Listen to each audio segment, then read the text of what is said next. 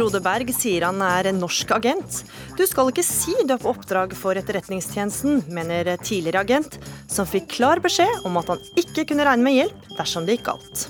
Ble jeg tatt, eller ble vi tatt, så var det bare å ta den straffen som kom. Hev stemmerettsalderen til 25 år, foreslår debattant. Gufs fra fortida, svarer tidligere stortingsrepresentant som satt på tinget som 23-åring. Nord-Korea og Sør-Korea erklærer slutt på krigen. Håper jeg snart får gå på ski for et forent land, sier Sør-Koreas tidligere OL-håp, norske Magnus Bø. Og Carl I. Hagen sier han er ferdig med norsk politikk. Men er han virkelig sikker på at han ikke kommer til å savne seg selv denne gangen? Velkommen til ukeslutt. Jeg heter Gry Veiby. Norske myndigheter vil ikke si noe, men Frode Berg har fortalt at han var i Russland på oppdrag for Etterretningstjenesten. Og det er noe ganske annet enn hva vi fikk høre da 62-åringen ble pågrepet i Russland i desember i fjor. Men skal en si at en jobber for E-tjenesten dersom en gjør det? Reporter Kari Li har besøkt en tidligere agent. Det hadde ikke jeg gjort. Nei. Nei. Hvorfor ikke? Nei. Aldri. Mannen i lenestolen foran meg viker ikke en millimeter med blikket. Jeg har tillatt meg å spørre Paul Smith om han ville fortalt russerne at han jobba for norsk etterretningstjeneste. Smith dro inn i Russland i 1959 under dekka av å være turist. Bilen han kjørte var rigga for lydopptak av bestemte bygg og steder norsk etterretning ville vite mer om. Ble han tatt, var han overlatt til seg selv. Jeg fikk jo beskjed om altså, at hvis jeg ble tatt, så vil jeg kunne, ikke kunne regne med noe som helst assistanse fra Norge. Og E-tjenesten ville nekte enhver forbindelse med meg. Ble jeg tatt, eller ble vi tatt, så var det bare å ta den straffen som kom. Trenger du noe kaffe eller noe kaffe, te, vann? Denne serviceinnstilte mannen heter Brynjulf Risnes.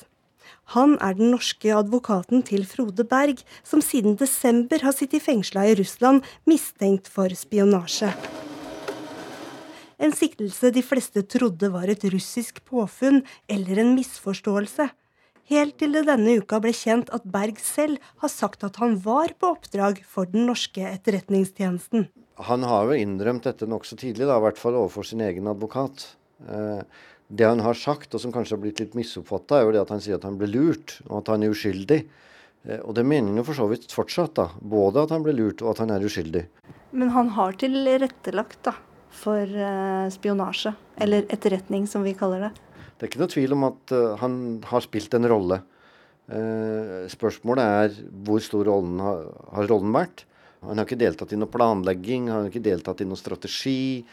Han har ikke skal si, på noen som helst måte hatt noen sentral rolle. Frode Berg har jo fått en egen støttegruppe. Presten i Kirkenes har bedt for ham. Og så kommer dette her med at han har faktisk tatt oppdrag for norsk etterretning. Hvordan syns du det tar seg ut? Det er godt mulig at enkelte vil reagere på det og vil kritisere han for at han uh, har gjort det. Eh, nå er det jo samtidig sånn at det å hjelpe norske myndigheter er jo ikke nødvendigvis noe negativt i Norge. da. Eh, vi har etterretning, og vi, og vi driver også med spionasje. Eh, og så er det kanskje ubehagelig når vi får øye på det. Kan vi stole på at nå vet vi det som vi trenger å vite, eller kommer det mer? Det er ikke sikkert dere vet alt dere trenger å vite, men jeg tror du i hvert fall kan legge til grunn at det dere nå har fått hørt, er riktig. Står utenfor systemet. Som det ser ut nå, så er denne denna Frode en så kallad bagman. Han er ikke ansatt, han er ingen kaptein eller oberst eller noe sånt der, for at om en sånn åker fast så blir det mye verre. Det sier journalist og forfatter Jan Guillou. Som forfatter har han skapt etterretningsoffiseren Carl Hamilton, som stadig tøffer seg på norsk TV. Om jeg skal gjøre det her, så gjør jeg det på mitt sett. Guillou tror på det Frode Berg sier. Hans rolle er ikke å spionere. Han syns bare være den som skal leverere penger. Og det er et normalt beteende for all verdens underrättelsetjänster. På 70-tallet ble Jan Guillou selv fengsla fordi han hadde latt seg verve av den russiske etterretningsorganisasjonen KGB. Man låter seg rekrutteres, og sen så får man da ulike små, fullstendig meningsløse og laglige oppgifter. Målet med KGB-kontakten var ifølge Gio ikke å bli agent, men å gjøre et journalistisk skup. Det skulle bli vanskelig, for russerne slapp han ikke inn i den innerste sirkelen. Det jæklige med russerne er at de eh, holder kvar kontakten på en sorts legal eller halvlegal nivå år efter år efter år. Så det blir liksom aldri riktig noe avslørende. Tvert om er risken stor at holder man på for lenge med en sånn forbindelse, så blir man selv til slutt faktisk innsneid og rekruttert som spion. Oh. Albumet 93 år gamle Paul Smith har tatt fram, har et tjukt lag med støv. Programmessig avreise fra Leningrad den 14.6. med tolken Tamara i forsetet. Inni albumet er det dagbok, bilder av russiske bygninger og den spesialbygde Mercedesen Smith kjørte rundt med for norsk etterretning. For det første så skulle vi ta opp signaler på helt bestemte tidspunkt og på helt bestemte steder. Og vi satte i gang maskinene, opptakmaskinene ved å bruke hendlene for varmeapparatet. Etter tre uker i Russland og Øst-Europa i 1959 var agentkarrieren over for Smith. Men han venta helt til 2015 før han fortalte hva han hadde vært med på det som fristet den gangen, det var jo dette at det skulle være gratis da, å reise så langt og oppleve litt. Grann. Hvis de hadde tatt dere, da, deg og han andre kompanjongen, hva tror du dere ville ha opplevd da? Den gangen så tror jeg på dødsstraff. Vil det hjelpe han Frode Berg at han innrømmer ting, tenker du? Eller vil det gjøre ting verre? Jeg tror ikke det hjelper noen ting. Dette, dette her kommer bare til å kjøre frem til en rettssak, og så får han dom. Og så blir han utlevert i løpet av et år. Men det er jo sånn bruker dette i propaganda. Se hvor, hvor fæle nordmenn er. De spionerer på oss. Og vi som er så snille og som ikke gjør noe galt. Og alt det der. Nå så er det jo sånn at eh, verken Utenriksdepartementet eller Forsvarsdepartementet eh, eller statsminister Erna Solberg vil uttale seg om dette her. Hva syns du om det? Ja, men det syns jeg er helt riktig. Det er etter boka? Ja, det er etter boka. Og reporter her var Kari Li. Og den som vil vite mer om Paul Smith, kan se Operasjon Odin på NRKs nettspiller. Og som allerede nevnt, Forsvarsdepartementet og Utenriksdepartementet har blitt invitert til å kommentere også denne saken, men har takket nei. Hva syns du om forslaget om å heve stemmerettsalderen til 25 år? Mer om det snart. Hvor gammel skal du være før du får lov til å stemme ved valg? Det har vært mye snakk om å senke stemmerettsalderen til 16 år. Mer uvanlig er det kanskje å høre ønske om å heve den. Men det kunne vi altså lese i Bergens Tidende denne uka, der samfunnsdebattant Jørn Baltzersen foreslår at bare dem over 25 år skal få stemme. Vi spurte studenter ved Universitetet i Oslo hva de syns. Nei, eh, jeg skjønner ikke helt argumentet for 25 eh, år. Skal vi få ungdommen til å ønske å være interessert i politikk, så må vi i hvert fall gi dem muligheten til å stemme. Da vil jeg kanskje heller gitt dem den tilliten til at de kan stemme når de er yngre, for da vil de kanskje få mer interesse i det som skjer. Jeg er 23, så jeg har ikke fått lov til å stemme. Det er noe som er litt merkelig, da. Så jeg kunne gjort det de siste fem årene, liksom.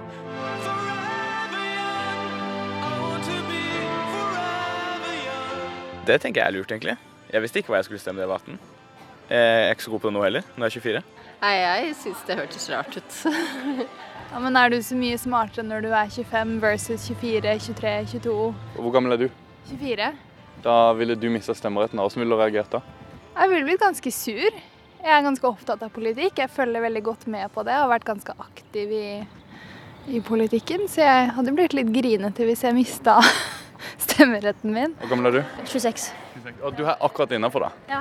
ja, så da er det greit. Nei, du kan heve den til 25, egentlig. Det er greit. Leder i Hordaland SV, Gina Barstad. Du satt på Stortinget fra du var 23 til 25 år, og ville med Baltersens forslag ikke vært gammel nok til å stemme engang. Og du kaller forslaget gufs fra fortida. Hvorfor det? Nei, Da jeg eh, leste innlegget til Baltersen i BT, så, så har jeg liksom vekslet siden mellom å være provosert og litt sånn underholdt. Eh, fordi det, det, minner jo om, hvis du leser litt stemmerettshistorie, så har vi i de siste 150 årene utvidet stemmeretten gang etter gang.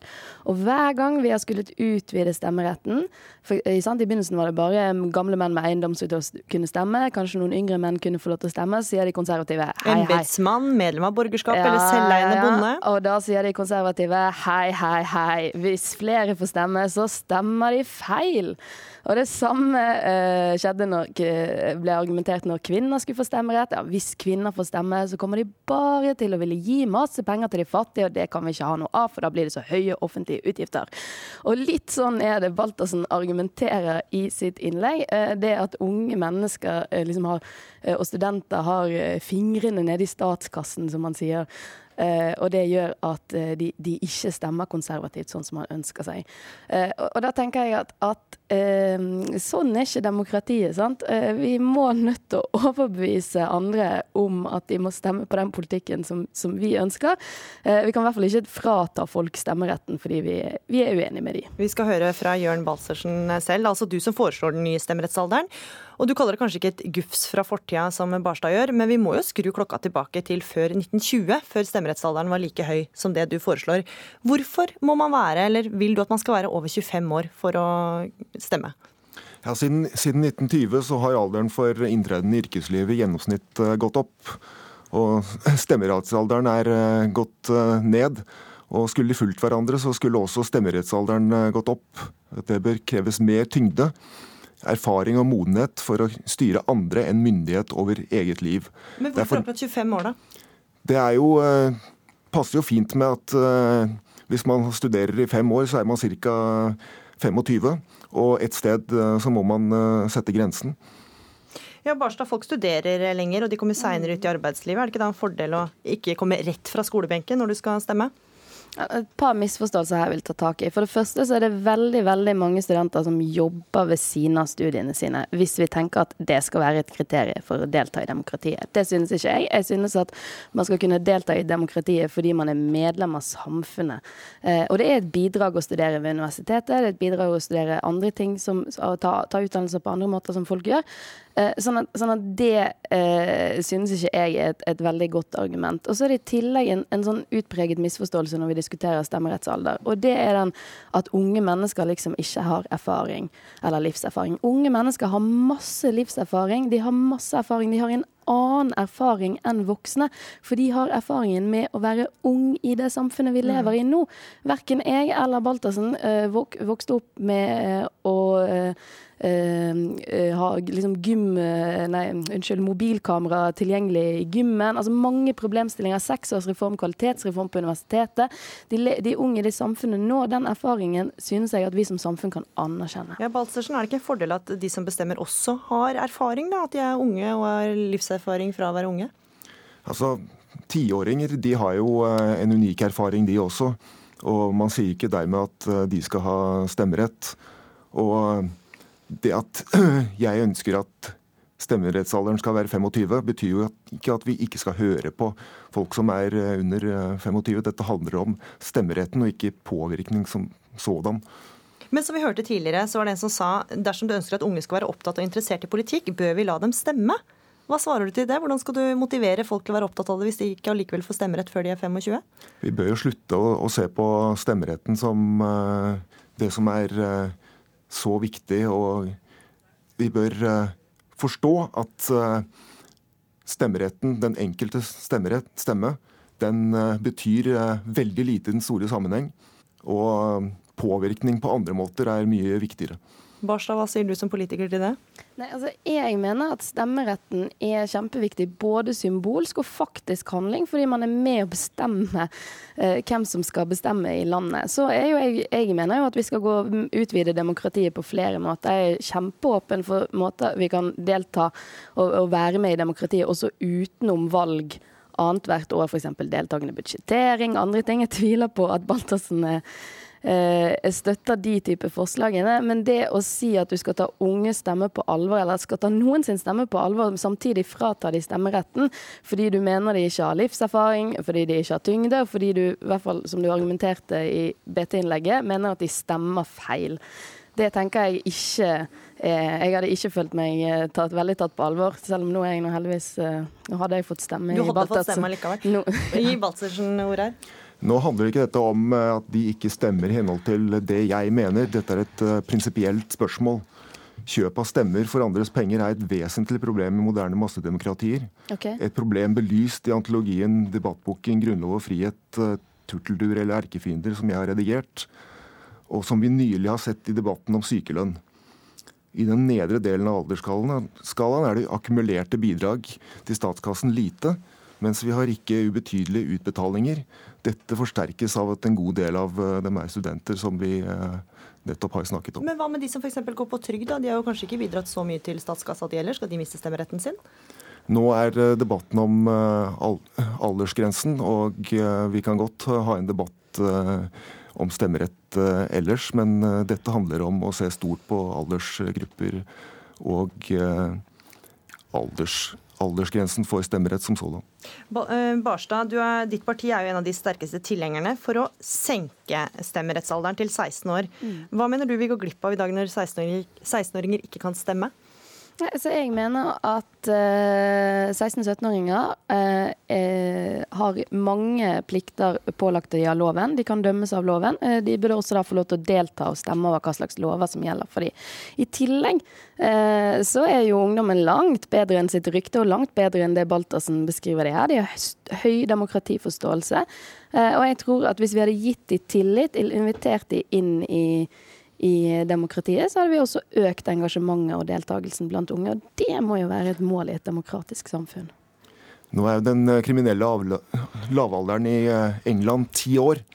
Og mm. Eh, det er jo ingen som snakker om å gi tiåringer i Storbritannia stemmerett. Så det at vi har forskjellige aldersgrenser, det er helt naturlig. Men Balsersen, du er en ensom svale i dette forslaget, vil jeg si. Hvor realistisk tror du det er at det kommer til å bli en stemmerettsalder på 25 år i Norge? Det er vel eh, en stund til det blir vedtatt eh, en eh, stemmerettsalder på 25, vil jeg tro. Vi fikk i hvert fall tatt debatten her i ukeslutt. Takk for at du var med, Jørn Baltersen. Og takk også til deg, Gina Barstad. If you change your mind, take a chance, I'm the first in line. Honey, I'm still free. For ABBA-fans har det vært en uke utenom det vanlige. 36 år etter at gruppa ble oppløst i 1982, kommer det ny musikk fra et av tidenes største popband. Så tar vi sjansen på at det blir like bra som denne. Her får du ABBA med 'Take a Chance On Me'.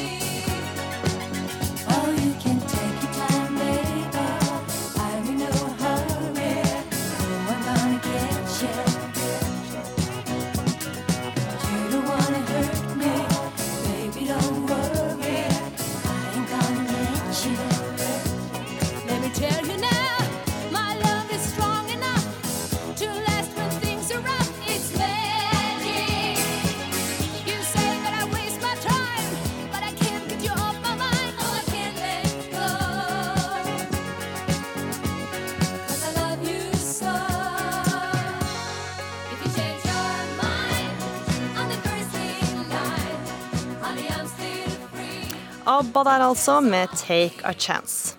Det er et bilde for historiebøkene. Nord-Koreas leder og Sør-Koreas president som går hånd i hånd og med hjertelig smil over den symboltunge delelinja som skiller de to landene. Sammen erklærte de slutt på Koreakrigen med løfter om en ny æra av fred da de møttes i går. Magnus Bø, du var Sør-Koreas store skihåp under OL i Pyeongchang. Hvordan reagerte du da du fikk høre om dette historiske møtet i går? Nei, det var jo selvsagt uh, veldig gledelig. Det var stort. Um, det er jo noe vi koreanere har ventet på lenge. Uh, å inngå fred. Og um, absolutt, det var en stor dag at uh, de møttes og ble enige om fred. Ja. Og for de som ikke kjenner til deg, du er også norsk far, men mor fra Sør-Korea, og har derfor dobbelt statsborgerskap. Ble det feiring hjemme i går? Ja, vi, vi, var ikke så flinke på å ta selve feiringen, men eh, vi var bare veldig oppstemte og veldig glade. Og snakka jo med broren min og, og, litt sånt, og han var jo kjempeglad. Og... For broren din bor, eller er fra ja, ja, Sør-Korea? Ja, halvbroren min han er fra Sør-Korea, og mm. han bor jo der. Um, og nei, generelt eh, veldig, veldig oppstemte, og alle, alle var glade. Men uh, vi hadde ikke ikke felles middag i går akkurat i familien, da, men vi, vi, møttes før vi la oss, og mm, alle var veldig happy. Mm. For Du nevnte jo halvbroren din, og så har du jo bodd der mye, så du kjenner mange der. Hva, hva slags reaksjoner har du fått? Eh? Nei, eh, jeg har, ikke, jeg har, ikke, vært så mye i direkte kontakt med bekjente i Korea. Men eh, jeg veit at ja, folk syns det er litt sånn surrealistisk. De, de opplever det ikke sånn direkte på huden, da. Men, eh, men, så det har nok ikke helt gått opp for folk at det faktisk på en måte har skjedd noe her, og at det er inngått fred. Men um, mange skjønner at uh, det er et historisk øyeblikk at vi har inngått fred, noe vi faktisk ikke har vært under, vi har bare vært under våpenhvile. Mm. Og det har jo vært enkelte episoder der òg. Men nå er det offisielt fred, så så herifra så må vi bare jobbe med å bygge broer og prøve å ja, jobbe for å samles, da, tenker jeg. Mm. mm. Du var jo som sagt i Pyeongchang eh, i Nord-Korea under OL. Hvor mye tror du det OL-et hadde å si for det som nå skjer? Nei, jeg tror eh, OL var en veldig god anledning til å bringes, eh, bringe nord og sør til sammen. Selv om liksom om det var avgjørende eller ikke, det vet man aldri. Men jeg tror det var en veldig god brobygger og en eh, god arena til å møtes. Eh, og jeg tror eh, begge, både nordkoreanske og sørkoreanske presidenten, utnytta det godt. Og det var eh, en veldig meningsfull eh, OL sånn sett. Mm. Ja, for det var da OL i Sør-Korea, jeg sa Nord-Korea. Ja, ok. Ja. Mm. Men um, det er ikke første gang ledere i Nord-Korea har møtt Sør-Korea og lovet at det skal bli fred. Hvorfor tror du at det kommer til å skje denne gangen? Um, nei, jeg har jo, jeg jo sjekka litt ut og sånt. Og um, forrige gang de møttes var i 2000 og i 2007. Uh, men det er mye som er annerledes fra da og nå. Uh, de forrige to møtene i 2000 og 2007 så veit jeg at det foregikk i Nord-Korea.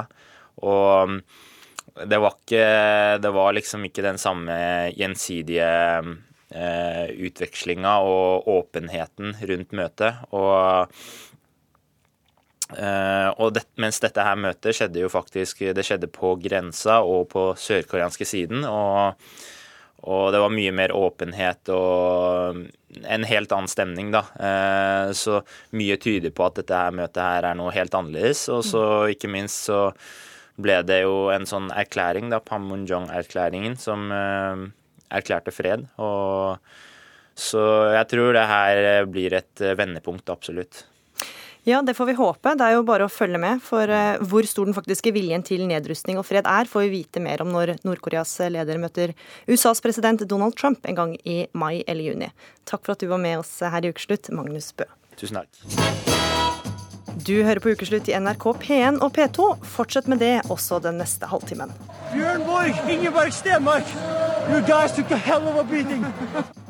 Petter Northug må vise bedre folkeskikk når han er tilbake på landslaget, mener Skiforbundet. Men har han egentlig så dårlig folkeskikk? Vi spurte ekspert og pappa Northug. Og religiøse symboler egner seg ikke i dagens samfunn, sier ordfører, som foreslår å endre Kristiansands kommunevåpen når byen blir del av en ny storkommune. En skam at det overhodet er et diskusjonstema, svarer en som har tatovert kommunevåpenet på overarmen. Ja, nå er det over, kunne vi lese i Aftenposten denne uka. Og mannen som sa det, er tidligere leder i Fremskrittspartiet, Carl I. Hagen, som ikke vil ta gjenvalg, til fordel for Slaraffen slaraffenliv med kona Eli i Spania. Og eh, Carl I. Hagen, du er med oss fra Fremskrittspartiets landsmøte. At du vil trekke deg høres jo kjent ut. Sist du sa det, så angra du deg. Er du sikker på at du ikke kommer til å savne deg selv i politikken denne gangen? Du vet jeg er mye mye eldre nå. Sist var det 2009, nå er det 2018. Så du har lært masse på den tida? Ja, men jeg er blitt mye eldre. Men jeg har sagt jeg sier nei takk til flere folkevalgte verv. Og for å konsentrere meg litt mer om å, å gjøre andre ting. Men jeg kommer jo til å skrive litt på Facebook og innlegge i avisen. Og det kan jo hende jeg kommer med noen synspunkter som får NRK til å være interessert i å spørre om meg litt mer også. Ja, for du har altså lovet ja, at du ikke kommer til å bli stille. Du, som du sier på Facebook eller avisspaltene. Hva tror du eh, Siv Jensen syns om det, da? Jeg tror hun kommer til å synes det er helt greit, inntil hun eventuelt leser et innlegg i en avis som hun ikke måtte like, men det tåler hun nå. Hun uh, har en solid posisjon i Fremskrittspartiet, og vi hadde en, uh, en, lang prat i går, og vi er vel forlikt og har lagt uh, tidligere uenigheter bak oss. Men du kan allerede nå love at hun kan vente seg noen friske utspill, om hun sier noe du er uenig i? Ja, det kan hun sikkert, men uh, mine utspill vil jo være for å styrke henne. F.eks. snakke mer om å fjerne bompenger og sørge for at vi kjøper forsvarsmateriell direkte fra oljefondet istedenfor å belaste forsvarsbudsjettet, sånn som de andre partiene er veldig kine på å gjøre. Så det er mange ting jeg kommer til å ta uttrykk for. Og fortsette en skikkelig streng innvandringspolitikk og mm. mer begrenset i familiegjenforening. Så, og, for å fjerne den fryktelige brusavgiften, eller sukkeravgiften, som de satte i gang i den sene nattetime i fjor høst, den må vi nå få bort. Så vi kan spare arbeidsplasser rundt omkring, både på Vestlandet og på Østlandet. Og nå fikk du dratt eh, hele Listahagen. Vi skal litt tilbake til eh, I VG i dag så sier du at Frp er blitt et kjedeligere parti, og du får også støtte av kommentatorer som sier sitat, endelig ble også Frp et kjedelig norsk parti. La oss skåle i eggelikør. Var det det du ville med Frp? Ja, absolutt. fordi nå er jo partiet i regjering. Og den store forskjellen er jo et opposisjonsparti som kan ha friske utspill i alle retninger og ikke behøver å ta hensyn til andre partier. Når du er et regjeringsparti, så må du ta hensyn til først og fremst dine partnere i regjering. Og der har man vent seg til med å ta hensyn til Høyre lenge. Nå må man også ta hensyn til Venstre, på samme måte som Venstre og Høyre må ta hensyn til oss. Mm, så, så det, er det, er natur, det er en helt naturlig ja, for de har vi jo nå makt og myndighet til å gjennomføre mange, mange gode Frp-synspunkter og veldig mange gode ting i det daglige som et opposisjonsparti ikke har. Og Du ser jo det på Arbeiderpartiet nå, som har fremmet vel over 100 representantforslag, som de aldri gjorde i gamle dager. Så nå, nå driver de bare ren populistisk tenkning i Arbeiderpartiet. Men du etterlyser jo også At vi er blitt kjedeligere? Vi er klart ja. er blitt kjedeligere, men det, det, er en del av det å være et regjeringsparti. Da, da, da, når da man sier og sier at dette skal vi gjøre, ja da må man kunne gjøre det. Og det kan man jo ikke alltid hvis man ikke får med regjeringspartnerne uh, på det. Men du etterlyser jo også flere friske utspill fra stortingsrepresentanter representanter. Hvordan rimer det med et parti som skal sitte i regjering og samarbeide med andre? Ja, jeg er en ivrig tilhenger av maktfordelingsprinsippet, og stortingsgruppen er noe helt annet enn regjeringen. Regjeringen nå er bundet av Jeløya-erklæringen, mens jeg mener at Fremskrittspartiets stortingsgruppe først og fremst er bundet av Fremskrittspartiets program. Selvsagt så kan ikke de gå imot regjeringen sånn hele tiden, men av og til kunne det kanskje komme noen aktivitet i spørretimen fra også våre representanter, og de kunne kanskje markere seg ved å levere i hvert fall noen representantforslag. uh, forslag. Som ikke nødvendigvis går på partiets uh, politikk? Nei, på regjeringens politikk? Ja, nemlig. Altså få en votering over det i Stortinget. Det kunne vært litt friskere debatter i Stortinget hvor ikke det var en selvsagt ting at alle regjeringspartier absolutt skal opptre samlet. Dette vet jeg Erna Solberg er helt uenig i. Og også en del kommentatorer som snakker om dobbeltkommunikasjon. Som, ja, hva syns din partileder om det, da? Siv Jensen? Det må du spørre henne om. Men eh, det er klart, for de som sitter i regjering, så kan ikke hun si at ja, det hadde vært helt ålreit. fordi da hadde hun fått Erna på nakken. Eh, men stortingsgruppen burde kunne ha en drøftelse selv om ikke de skulle være ta noe flere initiativ, og ikke bare hele tiden tenke på at de skal få gjennomført regjeringens politikk. Vi har et maktfordelingsprinsipp. Stortinget har én rolle, en regjering, den utøvende makt, har en annen rolle. Mm. Og her er det blitt altfor mye av at stortingsgrupper er lydige eh, talerør og helt lydige overfor regjeringen, som da ikke fører Fremskrittspartiets politikk, men en, en politikk som er samarbeidet mellom tre partier etter forhandlinger. Vi vant noen saker, og vi har tapt noen saker, som bompenger. Og så, vi tapte saken om sukkeravgift osv. Stortingsrepresentantene tar oppfordringa di. Men helt til slutt, eh, Karl Jagen, du har varsla at dere kommer til å tilbringe mer tid i Spania. Snakker du mye spansk? Spansk selv? Eh, nei, det gjør jeg ikke. Men jeg kan uh, dos eh, grande cerveza por favor. To store øl, er du snill. Uh, så det går helt utmerket. Og vi greier oss helt utmerket der nede. Pluss at det er noen som sammenligner dette med min kritikk av innvandring til Norge, og at de skal lære seg norsk. Husk på, vi har med penger, vi, til Spania. Vi er en netto inntektskilde for Span Spania og spanjoler. Vi sagt det Også, mens innvandrere til Norge er en økonomisk belastning. Jeg er redd jeg må avbryte deg, sånn at du skal få lov til å gå videre tilbake til landsmøtet. Takk for at du var med i Ukeslutt. Petter Northug har underholdt både i og utenfor skisporet i mange år nå. Denne uka ble han igjen en del av landslaget, men ikke uten en alvorsprat med landslagsledelsen. Et av kravene var at han skulle ha mer folkeskikk, og da særlig på sosiale medier. Det er så lett! Det er barneskirenn! Shoot the man! Kom, Carl Gustav, can you hear me? Bjørn Borg, Ingeborg Stenmark. You guys took a hell of a beating. Slik er vi vant til å oppleve Petter Northug i seiersrus. Men det var en ganske annen Petter vi så på pressekonferansen tidligere i uka, der det ble klart at han er tilbake på landslaget etter fem år. Vi har hatt en god god dialog og prosess, syns jeg, mot uh, her vi står i dag. Har... Sa han mens han holdt rundt armene sine gjennom store deler av pressekonferansen. For landslagssjef Vidar Løfshus har hatt en prat med skikongen om hva som er lov og ikke lov framover. Et av kravene var god folkeskikk. Jeg er ikke sikker på at det er så lurt. Sier Torgeir Kolshus, sosialantropolog ved Oslo OsloMet, et fag som også tar for seg høflighet og folkeskikk. For hvis denne folkeskikken, da, som i en snever høflighets dannelsesforstand, blir presset ned på hodet hans, så er han mindre norsk. Eh, vi slutter oss nemlig fra folkeskikk til personlighet, og noen har større handlingsrom enn andre. Petter Northug er en av dem. Vi trenger ikke veldig mange Petter Northuger, da blir det kaos. Men noen trenger vi for å se at overskridelser er mulig. Og et litt sånn av og til litt stivnet sosialt apparat som det vi, vi gjerne områdes med, så er det ganske forfriskende. Vi trenger Petter Northug. Det er på sosiale medier Skiforbundet synes Petter Northug har tøyd strikken for langt.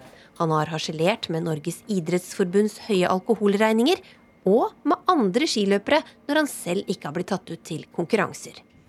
Jo, han vet hva han gjør, det er helt overbevist om. Av og til så har det nok gått litt over stokk og stein, men, men stort sett er det absolutt innafor. Han vet hvilke knapper han skal trykke på, og han, enda viktigere, han vet omtrent akkurat hvor langt han kan gå. Eh, og så slipper han unna med mer fordi han er trønder, ikke sant. Det er vanskeligere å komme fra Lyn og hete Johnsen Sundby og skulle drive på samme vis, fordi vi er forventet, vi som bor her i Oslo, å oppføre oss å være mer dannede enn en folkeskikkede. Ja, det er mulig sier pappa Jon Northug. Det, det, er noe med, altså det er vel det at trøndersk kultur ofte har vært litt sånn direkte og åpen, kanskje. Eh, vi, vi sier ifra, og så er vi litt, eh, litt direkte. Og så kan vi kanskje av og til trå litt over streken.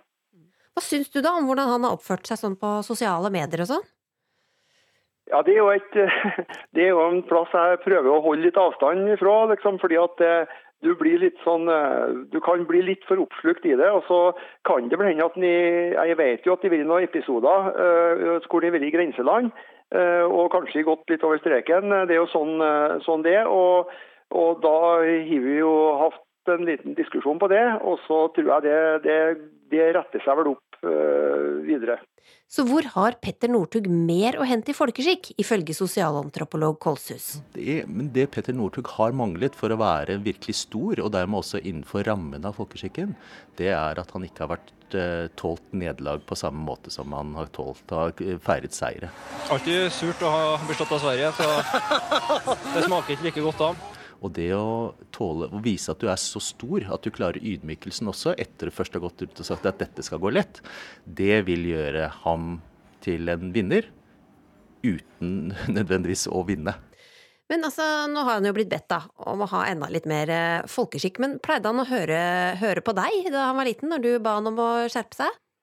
Vi følte jo det at vi har god, god kontakt på det området fram til at han flytta hjemmefra da han var 15 år. da, Begynte på, hybel på videregående. Og var en veldig beskjeden gutt den gangen. Eh, og i offentlighet så sa han jo eh, aldri noen ting, eh, kan du si. Og jeg føler jo det at eh, dere er innafor at det har vært noe, noe hvor han kanskje har vært litt, litt trampa litt over. Men utover det så oppfatter jeg Petter at han har folkeskikk. Tror du han klarer det nå, da? Framover?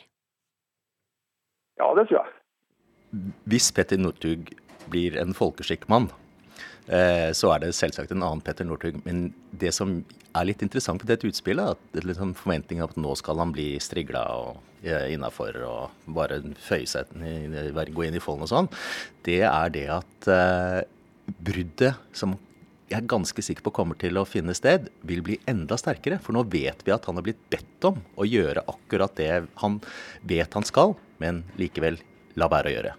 Den eneste som kanskje vet, er Petter selv, som står og nærmest holder seg selv igjen i et fast grep. Garanterer du at det ikke blir noe trøbbel denne gangen, eller? Jeg kan aldri garantere, men vi, vi det er lov å håpe. Ja, da er det kanskje lov for oss andre å håpe på både store skiprestasjoner og underholdende kommentarer fra Northug også i framtida. Reporter var Linn Beate Gabrielsen.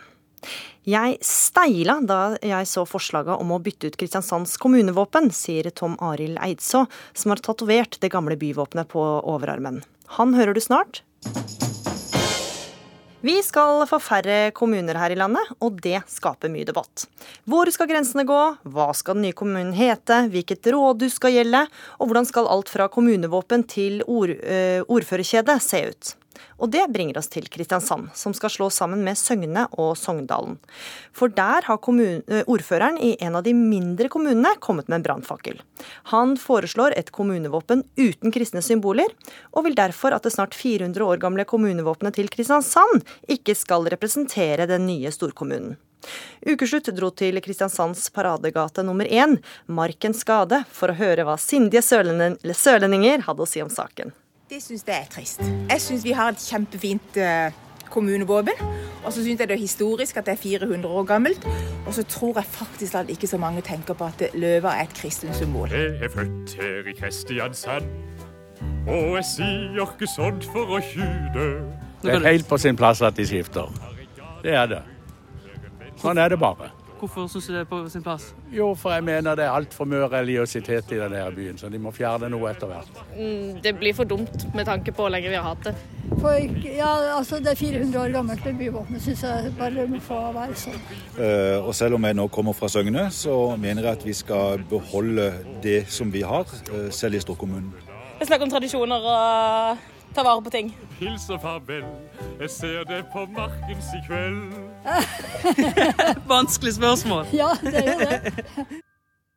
Jonny Greibesland, du er ordfører i Sogndalen fra Senterpartiet. Det er ditt forslag som du hører det er delte meninger om. Hvorfor vil du kvitte deg med et flere hundre år gammelt kommunevåpen? Det er jo sånn at Vi skal bygge en ny kommune av tre selvstendige kommuner. Og Da skal uh, vi bygge et, ha et kommunevåpen som uh, representerer de tre kommunene. Og så syns jeg òg at uh, vi lever i en veldig annen tid enn de gjorde på 1500-1600-tallet. I dag ønsker jeg at et nytt kommunevåpen skal gjenspeile mer den tida vi lever i i dag. Vi er et flerkulturelt samfunn, vi er et flerreligiøst samfunn. Og Derfor mener du at det ikke passer seg med religiøse symboler, da, som det er i dagens kommunevåpen? Ja, jeg syns at, at når vi er et flerreligiøst og flerkulturelt samfunn, så, så, bør vi ha et religionsnøytralt kommunevåpen. Mm. Tove Velle Haugland, du er varaordfører i Kristiansand. Du er fra Kristelig Folkeparti. Hva svarer du til Greibesland her, som mener at det ikke passer seg med religiøse symboler i kommunevåpenet? Jeg syns det er veldig fint at debatten har kommet opp, og jeg hører at det er delte meninger i Kristiansand om byvåpenet vårt i dag. Og Hva syns du da om at han ikke syns det skal være religiøse symboler der? Jeg tenker jo det at eh, i et eh, samfunn eh, der man har ulike religioner, ulike livssyn, så er det helt naturlig å ha et sterkt innslag av religiøse symboler. Og det, og det å reflektere den historien som har betydd veldig mye for dit vi har kommet i dag, det syns jeg bare er veldig verdifullt. Og jeg tenker at i iveren for å fornye seg, så må vi også se på røttene våre. Så jeg syns det er utrolig flott å kunne se tilbake på den sterke historien som har ført oss til det åpne, demokratiske, mangfoldige samfunnet vi har i dag. Mm. Greibesland det er jo et gammelt symbol, eh, snart 400 år gammelt. Bør vi ikke ta vare på tradisjonen? Eh, jo, absolutt. Og det er faktisk et av de eh, beste argumentene for å beholde eh, til kommunevåpenet. Men jeg syns likevel at når vi er i en ny tid eh, og skal skape en ny kommune, så bør det òg bli et nytt kommunevåpen. Mm. Ja, Haugland, dere skal jo slå sammen med to andre kommuner. Er det ikke fint da med noe nytt som alle i den nye kommunen kanskje kan føle en tilhørighet til? Jo, absolutt. Men jeg tror også dette kommunevåpenet her, som symboliserer mye av den historien som har bygd ikke bare Kristiansand, men mange, mye av det arbeidsmarkedet, den verdiskapninga vi har på hele Sørlandet, kan også samle alle. Eh, og så har jeg også litt lyst til å utfordre Jonny Greibesland på dette med livssynsnøytrale symboler, eller hva man ønsker. Fordi eh, tro og livssyn skal jo aldri påtvinges noen. Det betyr bare at vi kan være stolt av de røttene vi har. og hvis ikke kristen symbolikk kan figurere i eh, offentligheten, vil Greibesand også tenke dette om f.eks. riksvåpenet eller det norske flagg, eh, hvor vi ser eh, innslag av religiøse symboler? Du skal få svar, Greibesland. Ja, nei, jeg har ikke tenkt uh, nasjonalpolitikk i hele tatt. Jeg tenker, jeg tenker, et kommunevåpen for den nye kommunen. Mm. Men du foreslår da dette her i, i, et område som blir kalt bibelbelte. Eh, hva slags reaksjoner har du fått? Det er begge deler. Noen syns det er helt vilt, og noen syns det er på tide å skifte. Men mitt, mitt Min hensikt var jo å skape engasjement og skape debatt, mm. og det tror jeg er klart. Jeg bare si hvordan Kristiansands kommunevåpen ser ut. Det er en løve da, som står med potene på en øks, og så har løven to haler og en krone foran et tre med innskriften som på norsk betyr 'Den gode saken seirer til slutt'. Og det bringer meg over til deg, Tom Arild Eidså, for du har nemlig tatovert inn Kristiansand kommunes byvåpen på overarmen, og du steila da du leste forslaget til Greibesland om å bytte det ut. Hva var det du reagerte på? Først og fremst så reagerte jeg på at han ville fjerne den gamle historien bak det, og at vi har en eh, riksløve i våpenet. Eh, jeg har aldri hørt om noen som forbinder den løva med noe religiøst. Eh, og når jeg så en kommentar også Greibesland hadde, hvis jeg kan få sitere den, mm. der sa han i dagens samfunn passer det seg ikke med religiøse symbol. Dette symboliserer Kristus, og løva har alle fire labbene på øksa. Det forbindes med makt, og gjerne det at man vil bruke vold for å få det gjennom. Man må i hvert fall få bort løva. Ikke ligner han mye på en løve heller, sier Greibesand. Han mener løva heller ser ut som en ulv. Og det kan man i hvert fall ikke ha, sier Senterparti-ordføreren. Ja, hva syns, ja, hva syns du det da, om at Greibesland mener løven ikke engang ligner en løve? Ja, Der, der syns jeg han bare blir useriøs. Eh, og begynner å dra inn ulv også i dette. Da, da mister jeg helt tråden hvor han vil. Han er ja, for Greibesland, altså, Det er jo ikke bare det at du kaster denne brannfakkelen, men du tar en, gir litt sånn ekstra næring ved å si til Fedrelandsvennen at du mener løven ikke engang ser ut som en løve. Hva slags dyr øh, syns du det ser ut som? Nei, Det er jo ofte sånn at når en skal, skal prøve å skape engasjement, så må en spissformulere seg litt. Mm. Men jeg, jeg mener oppriktig at uh, den løva som er i i kommunevåpenet i Kristiansand, det er ikke noe flott løve. Det er en sånn lang, tynn sag med to haler. Uh, så jeg syns ikke løva er fin. Eidså, du som har dette tatovert på armen din, hva sier du nå? Altså, Jeg, jeg syns det blir veldig rart å begynne å blande inn eh, religiøse og Kristus, og så i samme åndedrag dra inn ulv i samme uh, debatten. Eh, da føler jeg nesten at det blir useriøst, hele utspillet hans. Eh, men akkurat det at jeg har tatovert den, det, det, det, tenker jeg ikke så mye på. For, det, for meg vil det uansett være et byvåpen. Eh, men eh, som en ny storkommune, hvis den blir hetende Kristiansand, så er det naturlig at du også har Kristiansand sitt byvåpen. Eh, Nå er jo, nå er jo Greibestad selv fra en kommune som ble slått sammen av to kommuner på 60-tallet av forrige kommunereform. Greipstad og Finnsland kommuner. Så de har jo ikke noe historikk bak den kommunen. Så jeg føler, og det å tråkke på 91 000 innbyggere i Kristiansand med en sånn brannfakkel, da det fikk meg virkelig til å steile. Greivesland? Ja, nei, men hensikten det var jo å skape engasjement. For jeg syns innbyggerne skal involveres i å være med og bygge den nye kommunen. Eh, og Så skal jo ei gruppe og en komité jobbe med dette, og så får vi eh, håpe og tro at de kommer fram til en omforent løsning som kan bli enstemmig vedtatt. Mm. Greibesland det har, har jo skapt vakt veldig mange reaksjoner. Det er bl.a. et leserinnlegg som sitat ordføreren i denne minikommunen besitter frekkhetens nådegave. Det er med kommuner som med bikkjer. Selvbildet og gneldringen er omvendt proporsjonalt med størrelsen. Er du en liten gneldrebikkje? Jeg tror ikke jeg er kjent for det, men eh, jeg syns det er gøy å skape engasjement for å engasjere innbyggerne. Og da eh, kan det godt være at jeg kan komme med flere litt spissformulerte meninger etter hvert. Ja, Haugland, hva synes du? Hvordan vil du vurdere de spissformuleringene? Han har jo i hvert fall fått oppmerksomhet.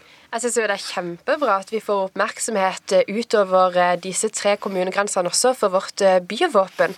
Og at vi kan formidle den stolte historien vi har utover hele landet gjennom denne debatten. Eh, Jeg har jo litt problemer med å skjønne hvordan en løve kan utfordre vårt åpne og demokratiske samfunn, og jeg er veldig tilhenger å ta med meg den historien inn i nye Kristiansand også.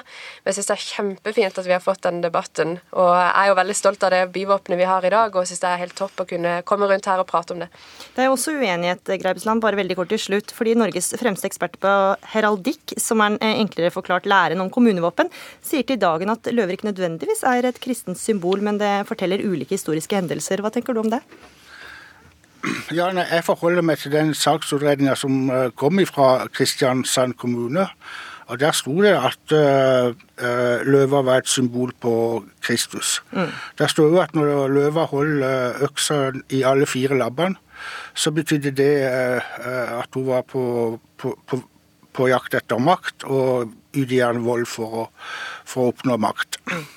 Vi får jo se da om du får eh, ønsket ditt eh, oppfylt. Debatt har du iallfall eh, skapt. Det er også satt nå en gruppe da, som skal jobbe med å se på symbolikk knytta til den nye kommunen. Takk for at dere var med i Ukeslutt, Jonny Greibesland, ordfører i Sogndalen, Tove Velle Haugland, varaordfører i Kristiansand KrF, og Tom Arild Eidså. Ukeslutt er slutt. Ansvarlig for sendinga var Daniel Eriksen. Teknisk ansvarlig Eli Kyrkjebø, og her i studio Gry Veiby. Kommer alle narkomane fra ødelagte familier og dårlige utgangspunkt, eller kan hvem som helst bli rusmisbruker? Bli med bak murene i Røverradioen på NRK P2 straks. Takk for at du hørte på. Ukeslutt er slutt, og det kan du høre når du vil, enten som podkast eller i NRKs nettspiller, som du finner på nrk.no.